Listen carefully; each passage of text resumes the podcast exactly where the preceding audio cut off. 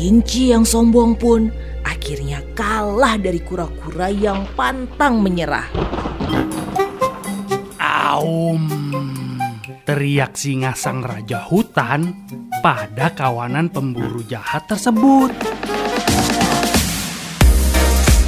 Ajarkan cinta dan banyak hal lain dengan mendongeng bersama anak. Ayo mendongeng! Halo anak-anak, ketemu lagi dengan kami, Pak Kumis dan Topemon. Seperti biasa, kami punya cerita menarik untuk kalian.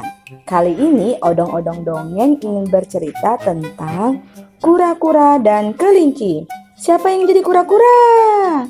Siapa yang jadi kelinci?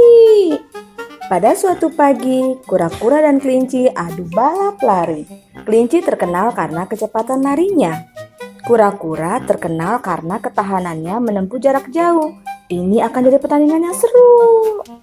Ketika peluit berbunyi, kelinci langsung berlari dengan cepat.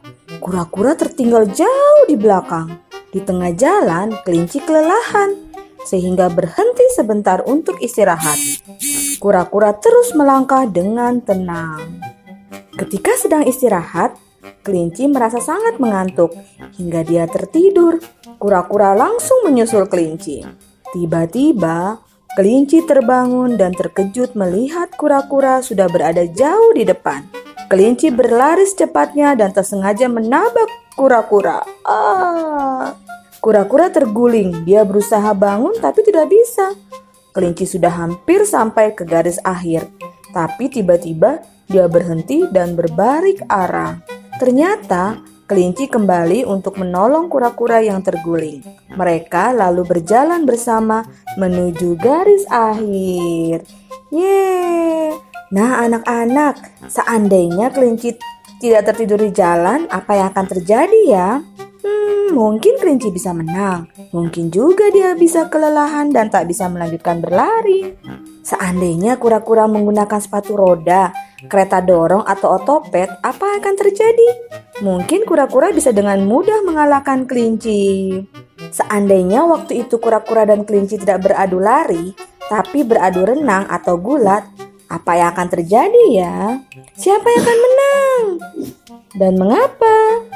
Seandainya kura-kura dan kelinci tidak mau bertanding lari, pertandingan apa yang sebaiknya mereka pilih? Pertandingan layang-layang, menyanyi, atau memasak? Atau ada ide lain? Seandainya kura-kura tidak bertanding dengan kelinci, tapi dengan siput, apa yang akan terjadi ya? Siapa yang menang ya kira-kira kalau bertanding dengan siput? Pastinya kura-kura ya, karena siputnya jalannya lebih pelan dari kura-kura. Ayo mendongeng, persembahan dari Female Radio. Love Life, Love Your Children.